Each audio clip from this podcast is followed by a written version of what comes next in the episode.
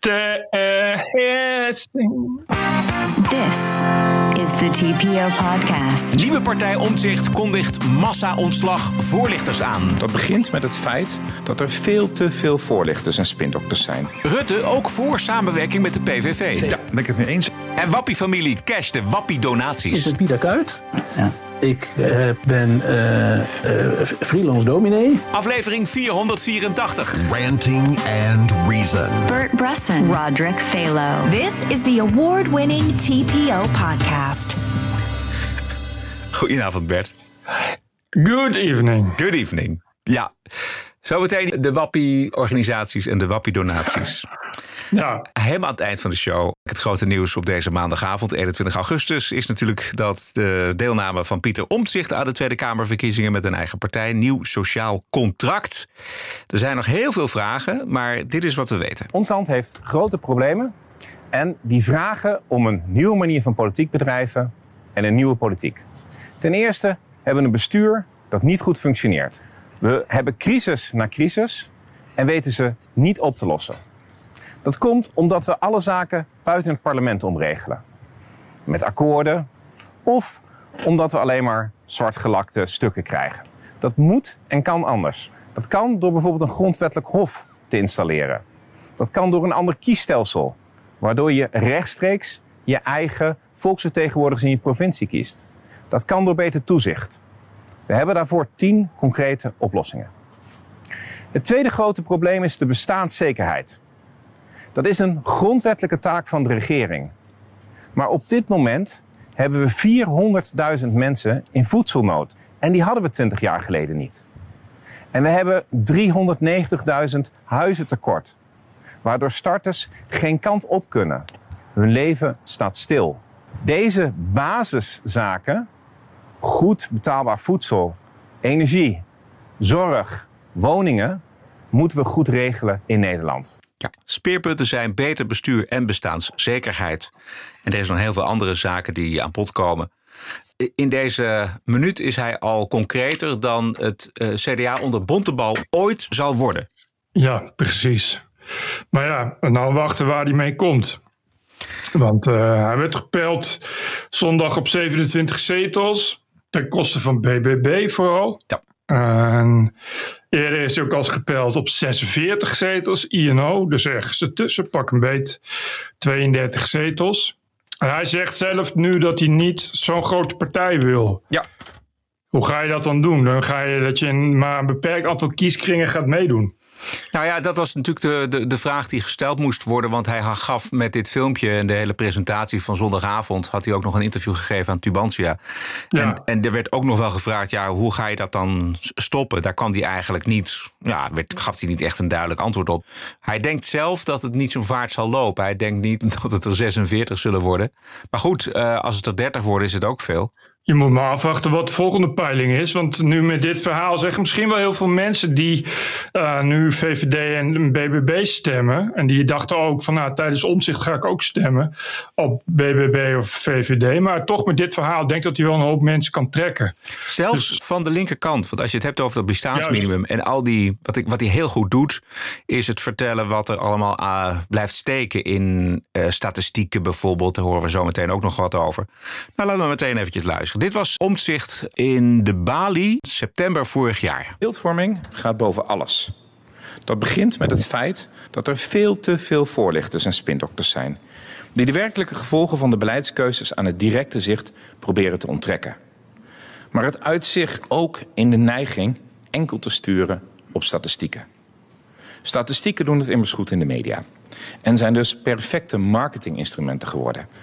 En daarom krijgt het terugdringen van de armoedecijfers in de praktijk voorrang boven het terugdringen van de armoede. Wint het halen van klimaatdoelen het van het werkelijke bijdrage leveren aan het klimaat. En richt ons overheidsbeleid zich op het verbeteren van de koopkrachtplaatjes meer dan het verbeteren van de werkelijke koopkracht. Ja. Dus die, die statistieken daar, die, die verklaart hij de oorlog. Wat ik een fantastisch punt vind. Want ik erger me al tientallen jaren aan al die statistieken over criminaliteit. Weet je wel, dat is echt zo'n D66 eh, verhaal van... kijk maar, er is niks aan de hand in Nederland. Gaat hartstikke goed met de criminaliteit. Cellen, Wat, cellen staan leeg. ja, precies. Cellen staan leeg. Kijk maar naar de statistieken. Het neemt juist af, terwijl mensen op straat totaal andere zaken ervaren. Dus dat vind ik mooi wat hij doet. Wat ik zeg, daar kan hij een hoop mensen mee trekken. Al, al gaat het natuurlijk heel erg van afhangen wie eh, op die kandidatenlijst komen. Ja. Daar weten we nog helemaal niks van. Kort, dag en krap vind ik het. Ja, dat is het. Hij zegt wel zelf dat hij al eh, maanden bezig is met het oprichten van de, van de partij. Er is denk ik wel meer dan we denken, dan we weten eh, in voorbereiding. Maar er zijn inderdaad, wat jij zegt, er zijn nog een hoop, hoop vragen. Onder andere, ja, wie gaat die lijst om zich dan bezetten? Want we hebben nog maar tot, hij heeft tot 9 oktober volgens mij. En dan moet alles binnen zijn. Dus dat is gewoon heel kort. En bovendien moet hij natuurlijk ook een premierskandidaat leveren. Ja. Want het, je kan niet zeggen, ja, ik, ik wil niet de grootste worden. Dat kan wel. Je kan wel zeggen, ik heb een lijst met maximaal 10 mensen. Want ik ga voor maximaal 10 zetels.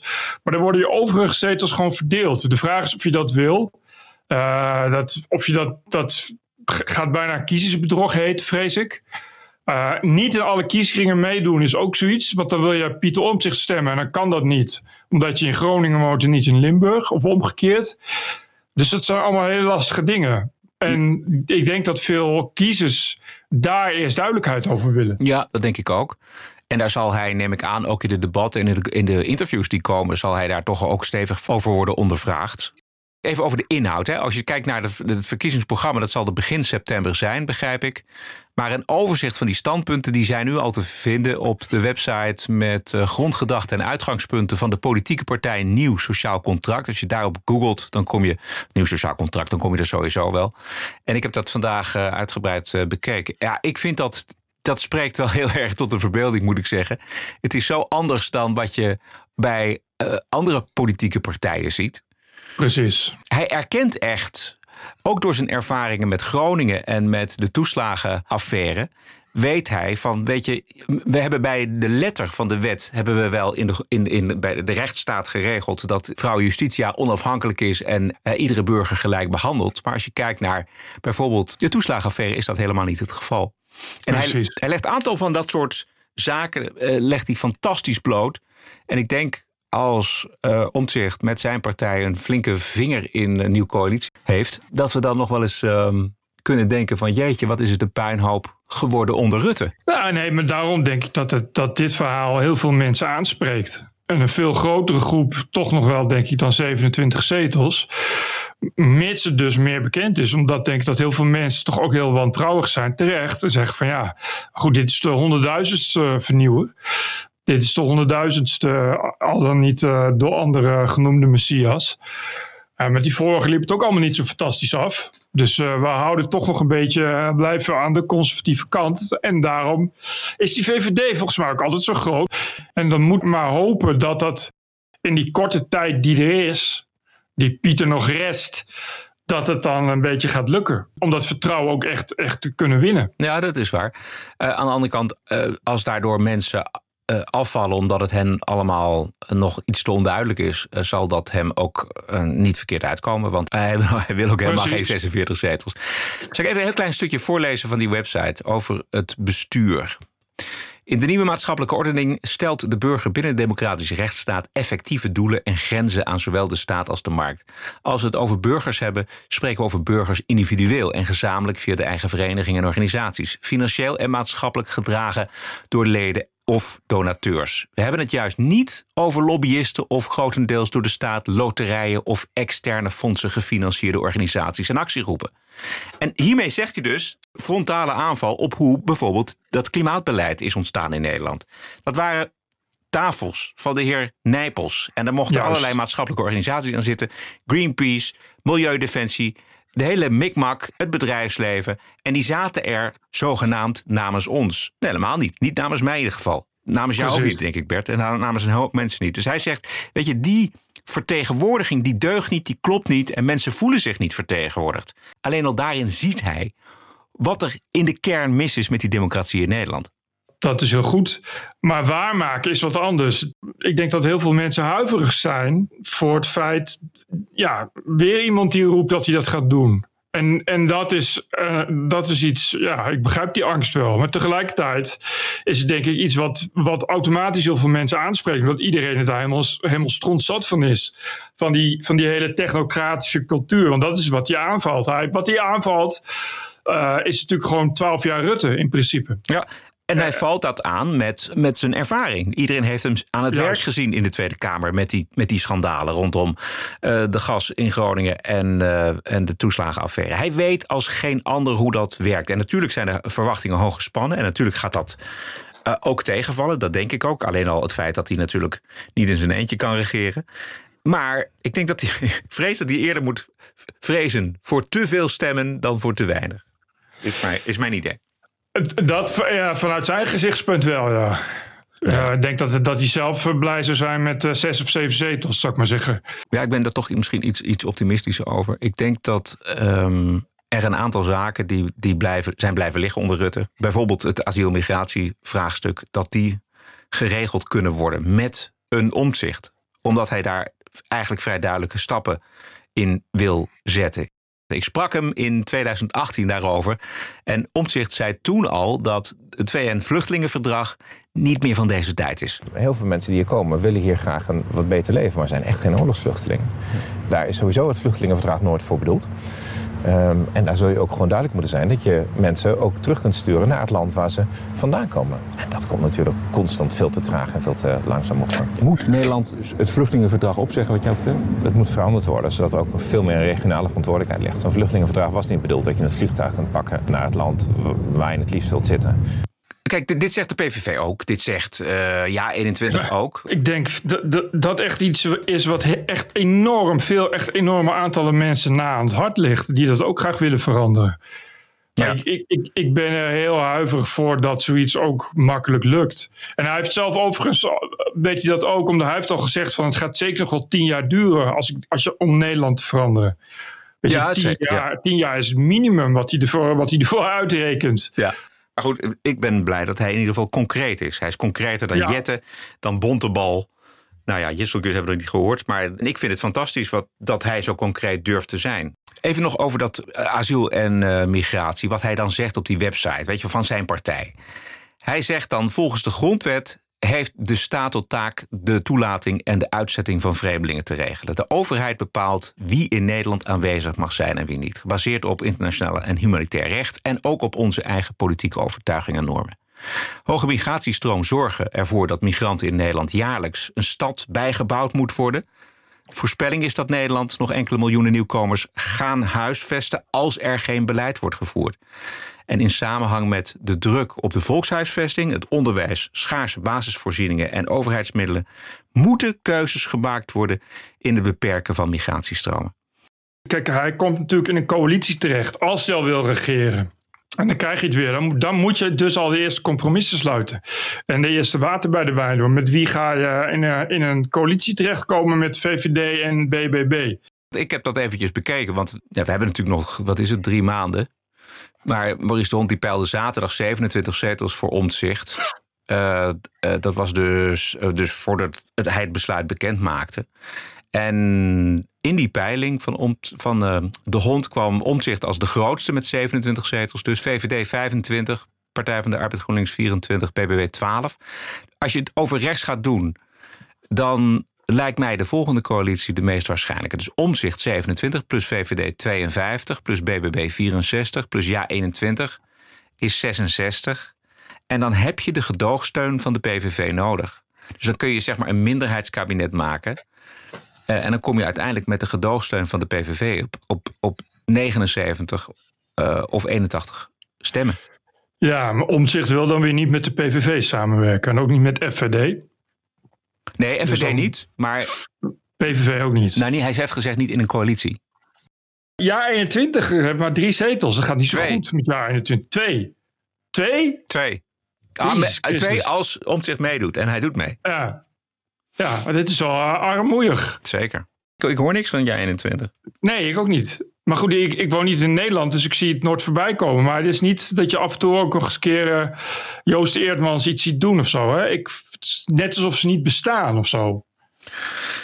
Ja, en dat zou erop kunnen duiden dat ze intern nogal ehm, bezig zijn de boel op orde te krijgen. Wat op zich geen goed teken is. Maar we hebben nog wel nog drie maanden. Dus we- er, kan nog echt wel heel veel gebeuren. Denk ik. Maar ja, je, moet er, wel, wel, je moet er wel zijn. Het worden dan in elk geval spannende verkiezingen, ja. Dat klopt. Maar dan moet, je moet dan wel zichtbaar zijn. Dat wordt een beetje... Het probleem is natuurlijk dat, dat deze verkiezingen focussen zich gewoon e- erg op, behalve eh omzicht, natuurlijk Jesselgus en eh, Timmermans. En dan, eh, ja, de rest valt weg. En, en BBB, en alhoewel BBB, dat was toch wel heel armetierig werd dat gepeld. Hè? Dat is toch wel echt omzicht-electoraat. Wat overduidelijk meteen naar omzicht vliegt. En toen bleef er toch niet zo heel veel zetels over voor eh, Caroline van der Plas. Kijken, nou minder dan eh, nog altijd wel. Wat zijn het er? Even kijken. Eh, BBB 12 zetels. Nou, ze zit nu in de eentje. 12 zetels. Is toch Nou wel ja, goed, maar als je het vergelijkt met, met de mega-winst tijdens de provinciale statenverkiezingen, Ja. Is het toch een, beetje, toch een beetje treurig. En hoezo heeft FVD vijf zetels? Ik word daar een beetje uh, miserig van elke keer. Waarom houden die niet gewoon een keer op met bestaan? En hoe komen die mensen aan, um, aan, aan iets van 500.000 kiezers? Die doodleuk gewoon weer op totaal achtelijke partij stemmen. Dat Ja. begrijp ik gewoon niet. Ja, nog steeds een hoop wappies, denk ik, in Nederland. En mensen die roepen dat het niet klopt. Er klopt iets niet. Ik vond nog een quoteje van Baudet... waarin hij ook weer, weer geweldige dingen zegt. So I'm really happy about this battle because finally there's a front. A front has been opened against the globalists. I hope Russia will win. I think it's fantastic that someone like Putin exists. Ja, dit is Engels, maar ik neem aan toch dat iedereen dat goed kan verstaan. Ja. Fantastic dat iemand als Poetin bestaat. Ja, mensen stemmen daar dus op. Onbegrijpelijk, ja. Heel veel mensen. Dat is toch wel zorgwekkend, vind ik. Ja. Maar die mensen zijn er wel echt van overtuigd. Of die zeggen, ik zag een filmpje weer van die left lezer. Die was bij een bijeenkomst van FVD'ers bij een kroeg. Dan zeggen ze gewoon, ja, maar ja, FVD is groter dan de partijleider. Je moet naar het programma kijken. Ik denk van, ja, maar ja, programma is volgens mij gelijk aan Baudet. Ik kan toch niet zeggen, ja, maar Baudet doet dan af en toe rare uitspraken. Maar FVD heeft een mooi programma. Volgens mij niet. Volgens mij is heel FVD per, per definitie knettergek. Ja, ik denk dat ze nog het eh, oude partijprogramma van een paar jaar geleden eh, gewoon hebben copy-paste en dat op de website zetten. Maar wat ik al vorige keer ook al zei, bedoel, hij doet er niks mee. Hij bedrijft geen politiek Baudet, die hele partij niet. Nee, dus wat denken ze dan? Ja. ja. Of, eh, ja, wat stemmen ze? Ze stemmen op een partij die geen politiek wil bedrijven. Dus waarom stem je dan die partij? Ja. Maar nog even, ik, ik lees nog eventjes iets over ehm Ja. eh, omtzichtshouding ten opzichte van de PVV. Want eh, hij had vandaag ook een interview in het Parool. En de Parool vraagt dan aan hem: sluit uw partijen uit voor een coalitiesamenwerking? En dan zegt Omtzigt. Voor mij moeten partijen voldoen aan de basisvoorwaarden voor rechtsstatelijkheid. Als dat er niet is, dan kunnen we niet samen in een coalitie. Daarom zie ik coalitiesamenwerking met PVV en FVD niet gebeuren. Wat ik wel belangrijk vind, is dat als die partijen een valide onderwerp ter sprake brengen, het serieus wordt genomen. Het migratieprobleem is dat voor de PVV. En dan zegt de FVD, die heeft een punt gemaakt van de baantjescarousel. Daar hebben ze een goed punt, zegt Omtzigt. En daar moet je dus iets mee doen. Dus ik, ik zie hem nog wel met gedoogsteun van de PVV in een kabinet zitten. Ja, die partij Denk- van Omtzigt. dat denk ik dan ook wel. Ja. Als je het zo opleest, dan denk ik inderdaad dat gedoogsteun dan wel zou kunnen. Zeker van de PVV. Bij FVD wordt dat natuurlijk heel lastig. Overigens bleek vrijdag op de eerste persconferentie van Rutte na het reces dat ook Rutte voor samenwerking met de PVV is. Dit is een vraag van Wouter de Winter van de Telegraaf. U bent nog maar net weg en eh, de nieuwe leider van de VVD eh, zegt dat eh, de VVD moet gaan samenwerken met, eh, met de PVV, als dat wellicht mogelijk is. Eh, bent u het daarmee eens? Ja, ben ik het mee eens. Ik ga er overigens verder niks over zeggen. Anders dan dat als u mij er de komende tijd vragen over stelt, u vaak zult horen dat ik het ermee eens ben. Want eh, Ik ben heel blij met eh, de nieuwe lijsttrekker en ook de lijn die ze uitzet. Maar u heeft zelf uh, tijdens de formatie, verschillende formaties, maar uh, ook bijvoorbeeld de, de formatie van uh, Rutte 3, ook brieven geschreven waarin u zei dat de lijnen waren overschreden waren en dat daar dus met die partij niet kon samenwerken. Is dat minder waar nu, wat er in die brieven stond? De tijd schrijdt voort. er zijn nieuwe verkiezingen. Ja. ik vind haar lijn verstandig, maar ik ga er verder niet op in. Maar het is inderdaad zo dat hij destijds, het was naar Mar minder, minder Marokkanen ja. uh, affaire, uh, dat soort brieven heeft geschreven. Ja. Uh, ik denk dat hij er eigenlijk überhaupt niet op in wilde gaan. Want hij wil absoluut niet, dat is natuurlijk vrij dodelijk, hij wil absoluut niet het idee geven dat hij beslist voor Dylan. Die natuurlijk prima over haar eigen dingen kan beslissen. Dat heeft hij ook gezegd. De, dat is aan haar om nu de partij te leiden. dus dat zal hij inderdaad niet zo snel doen. Hij kan niet twijfelen, dat is het punt. Hij kan niet zeggen, hij kan niet twijfelen. Hij kan op die vraag niet zeggen van, mm, nou, had ik niet gedaan. Hè? Dat wilde, hij, hij moet onmiddellijk zeggen, ja, ik ben het ermee eens. Het schijnt, uh, weet je wie ook uh, heel erg tegen uh, samenwerking met PVV is? Ja. Ed Nijpels. Ja. van de klimaattafels. Godsamme. En hij niet alleen. Nee, ja. zijn er meer. Ja, het zijn er meer. Nee, het, was, het, is, er is een enorme lobby aan de gang om vooral de PVV uit te sluiten. Ja, ik had daar een, uh, iets over getwitterd. Misschien een iets te hard verstapelbaar boek. Die Nijpels wordt zo serieus genomen door uh, de mainstream media. Uh, ja. En hij denkt ook dat hij zelf buitengewoon relevant is nog steeds. Hij heeft dat hele klimaatbeleid zo'n beetje in elkaar gezet. Wat, wat niet deugt, wat niet klopt. Wat niemand wil. Wat niemand wil. En dan komt hij met dit soort dingen gewoon...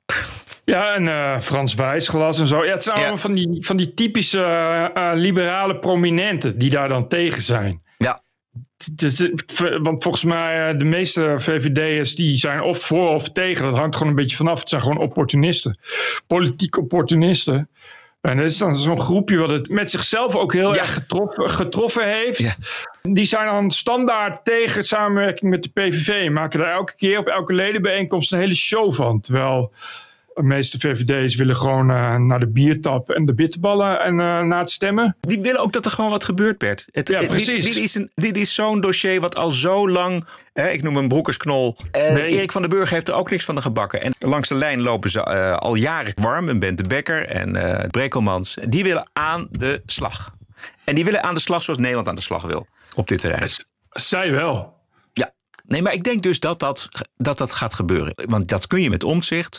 En je kunt het met een, regering over rechts. Dus met, met VVD, met BBB, eh, Ja 21, omzicht. En daar heb je dan toch de gedoogsteun van de PVV voor nodig. Kan die dat mooi ook naar zich toe trekken? Kijk eens, eindelijk, uh, dankzij ons, wordt er wat gedaan aan asiel en migratie. Ik vind het heel goed hoe je optimistisch jij dan toch weer bent. Ja, maar als je dat stuk van omzicht leest, dan denk je, nou, dat is iemand die concreet is, die wil aanpakken. En Nederland is ook helemaal klaar. We zijn van Rutte af. We hebben een, een, een, een Jisselgus, dat is ook iemand van uh, aanpakken altijd geweest. En we hebben BBB, dat is ook no-nonsense. Dus ik zie het wel zondag tegemoet, moet ik eerlijk zeggen. In de TPO-podcast op vrijdag, de Wokweek. Ook in de wiskunde valt nog genoeg te decoloniseren. Het absurdisme. You're an adult, grow up, deal with it. De terreur. Everything woke turns to shit. En het verzet ertegen. This cancel culture is gonna end, end, end. De Wokweek in de TPO-podcast op vrijdag. Ik heb nog wel uh, wat fanmail om voor te lezen dan. Oké, okay, leuk. Zo, Kom. Even uh, nog voor de bonusquote. Ja. Dit is van uh, Roy Kesten. Die schrijft dat hij jou was tegengekomen. Oh ja, Roy. Zeker. Ja, in de Utrechtse straat. Oké, okay. anyway, ik ben erg blij met jullie podcast. Mijn weekritme is erop ingesteld dat ik sowieso binnen twee dagen na dinsdag en vrijdag jullie beschouwingen tot me kan nemen. Terwijl ik wandel door het Noord-Limburgse landschap, zien mensen mij soms breed grijnzend langskomen. Om de zweem van psychopathie weg te nemen, knik ik dan maar een keer vriendelijk. Maar ik weet niet of dat nou zo goed helpt. Feit is dat jullie stemmen hard nodig zijn in een wereld waarin men op de school waar mijn vriendin les geeft, genderconsultants langs stuurt om te kijken of de kinderen niet gedwongen worden op, om op een bepaalde wc-plaats te nemen. Het gaat hier om kinderen van 4 tot 6 jaar oud. De toiletten hebben van die halve deuren en het was allemaal heel grappig als het niet zo bezopen was. Anyway, uh, Roderick en overdrachtelijk Bert hebben best tijd voor leuke dingen, maar zullen altijd doorgaan met wat belangrijk is en wat ze zo goed kunnen. Het aan de kaak stellen en ontmaskeren van de postmoderne onzin om ons heen. Wie weet waar het goed voor is. En dan klopt mijn glimlach weer terug. Dank voor de tijd die jullie steken in wat jullie doen en een hartelijke groet, Roy Kersten. Dankjewel Roy, dat heb je mooi opgeschreven. En ik had er nog één van, uh, van jullie. Jullie is oh. studenten in Zwolle. Dag heren, ik luister altijd met veel plezier naar jullie podcast. Niks heerlijkers dan onder het huishoudelijk werk naar de volgende woke-idioterie te luisteren. Vandaag hadden jullie een stuk over dat achterlijke beleid van die kliniek waar die moordenaar van Anne Faber uit ontsnapt is dat deed me direct denken aan wat de gemeente Zwolle bij onze studentenflat wilde gaan doen. Op ons pleintje stonden al drie studentenflats, waar ik zelf ook in woon. En daar is er twee jaar geleden eentje, eentje bijgebouwd. Eén verdieping wilde men reserveren voor een quote-unquote vreedzaam woonverbond tussen studenten en oud-gevangenen. Maar ze wilden niet vertellen waarvoor die veroordeeld waren. Wat nogal raar is, maar oké. En dat wilden wij uiteraard niet. Sterker nog, we hebben in één van die oudere flats. We hebben in een van die oudere flats al een verslavingszorg zitten. Daarom hebben we net zo lang geklaagd en het project gerekt tot ze ermee gestopt zijn. Maar toch, welke ambtenaar had het in zijn hoofd om studenten en oud-gevangenen in hetzelfde pand onder te brengen? Dat is toch een groeibodem voor ellende. En dat wilde Julie even delen. Groetjes, Julie. Geweldig. Goed, eh, ja, afschuwelijk natuurlijk, maar heel goed om dit te delen, om dit te schrijven naar info.tpo.nl. Heel belangrijk uh, om dat te blijven sturen, wat jij beurt. Ja, er was er ook één die mailde dat ik niet goed bij mijn hoofd was. Oh ja. Omdat ik van mening was dat die, die Zuid-Afrikaan Kilde Boerenzong... dat dat uh, al dan niet wel of geen vrijheid van meningsuiting is. En dat mag niet, want ik moest het per se geen vrijheid van meningsuiting vinden. En toen ik daar wat op terug zei, zei hij: Zie je wel, het is duidelijk dat je niet helemaal stabiel bent. Dus dan weten jullie dat. Als ik een mening heb waar jullie het niet mee eens zijn, dan is het gewoon omdat ik niet goed bij mijn hoofd ben. Dat is heel simpel. Ja, jongen, jongen. Dat is ook liberalisme. Nou, en... Je hebt gewoon vrijheid van meningsuiting tot die ene mening waarvan jij vindt dat anderen die niet mogen hebben, dan ga je op hoge poten mailtjes sturen met jij bent niet goed bij je hoofd, want jij hebt een mening die niet de mijne is. Ja. Wat moet je ermee? Dat is, uh, Niks. Ik heb het maar op Twitter gezet. Oh, okay. Dan kunnen andere mensen er ook wat leuks mee. Okay. In de TPO-podcast op vrijdag, de Wokweek. Ook in de wiskunde valt nog genoeg te decoloniseren. Het absurdisme. You're an adult, grow up, deal with it. De terreur. Everything woke turns to shit.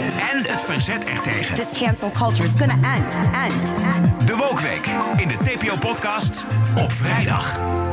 Ga naar tpopodcast.nl, kom je vanzelf op ons petje afpagina en daar wijst de weg zich vanzelf. Just do it. Bonus quote is eigenlijk een bonus scène tussen twee geloofsopvattingen die van Extinction Rebellion en van het uh, Wappies Economisch Forum. Fantastische scène waarin Wappie-activiste Ramona een paar klimaatrebellen bekogelt met eieren die daar nou net het klimaat aan het redden waren. Hier komen de eieren, kijk. Hier komen de eieren. Alle, alle. Gooi maar, gooi maar. Je bent lekker boos, hè? Ja, goed zo. Gooi maar. Nog een keer plaatsen.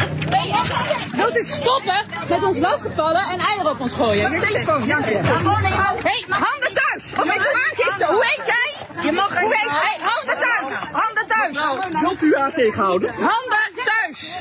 Ramona, dit is geen vorm van geweldloos protest. Zijn die eieren vegan? Hé, auw, wat kut! Zijn die eieren wel vegan? Ja, Gooi maar lekker! Oh, maar lekker! Ramona, Dag! Voor een goed klimaat! Dag! opwarming van de aarde! Hé, hey, tot ziens, hè! Dit is wat er gebeurt als je, Dag! als je democratie verliest. Doei, doei! Jezus Christus, wat een circus. Ja, maar dit is dus wat er gebeurt. Als je dus twee groepen met uh, volstrekt ononderhandelbare standpunten tegenover elkaar zet. Dat is duidelijk. Wat ik dus heel jammer vind. Want ik vond dat Extinction Rebellion doet heel veel goed. Namelijk in de zin dat ze heel goed zijn in uh, media bereiken. En dus ook, kennelijk ook heel goed om mensen te mobiliseren. Dat blijkt. Ze krijgen zo'n hele A12 vol. Wat toch een ding is, zou ik maar zeggen.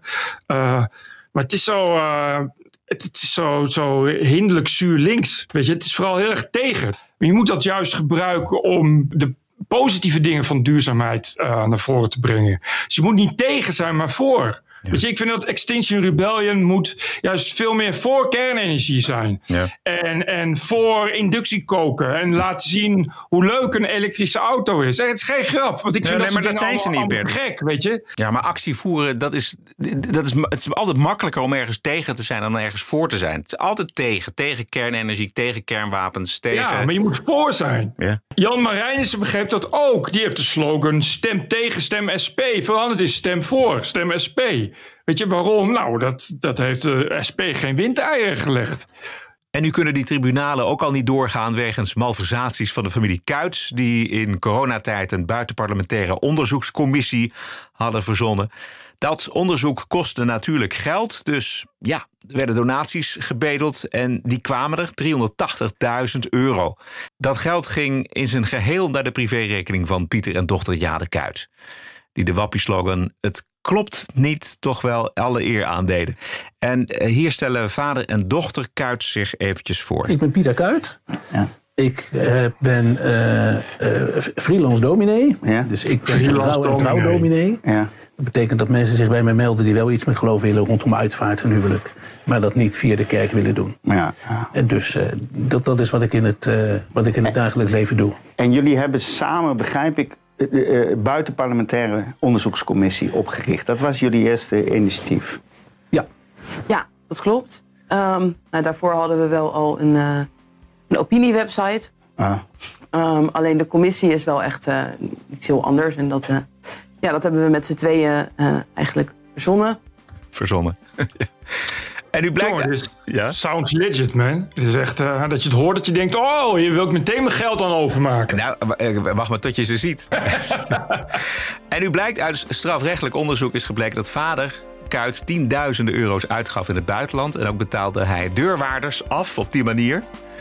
Dus hij heeft toch wel wat aan de deur gekregen. En uh, aan zijn echtgenote werd 85.000 euro overgeboekt. Aan zijn dochter 50.000 en aan zijn zoon 39.000 euro. Ongelooflijk. Maar ja. ook, want, want waar doneer je aan? Ja, want ze gingen tribunalen instellen en ja. zo. Goed, dit was het. Elke dinsdag en vrijdag online via je favoriete kanalen. Vergeet je abonnement niet voor de Lange Vrijdag Show. Je ondersteunt ons ermee. tpopodcast.nl kom je vanzelf op onze Petje Af pagina. Veel dank, stay cool. En tot vrijdag. TPO Podcast. Bert Bruson, Roderick Balo, Ranting and Reason. Dag! Doei doei! Podcasting is the TPO podcast in the Netherlands. Bert and Roderick. What a show. I'm telling you. Keep the show running. Go to tpo.nl slash podcast. Thank you.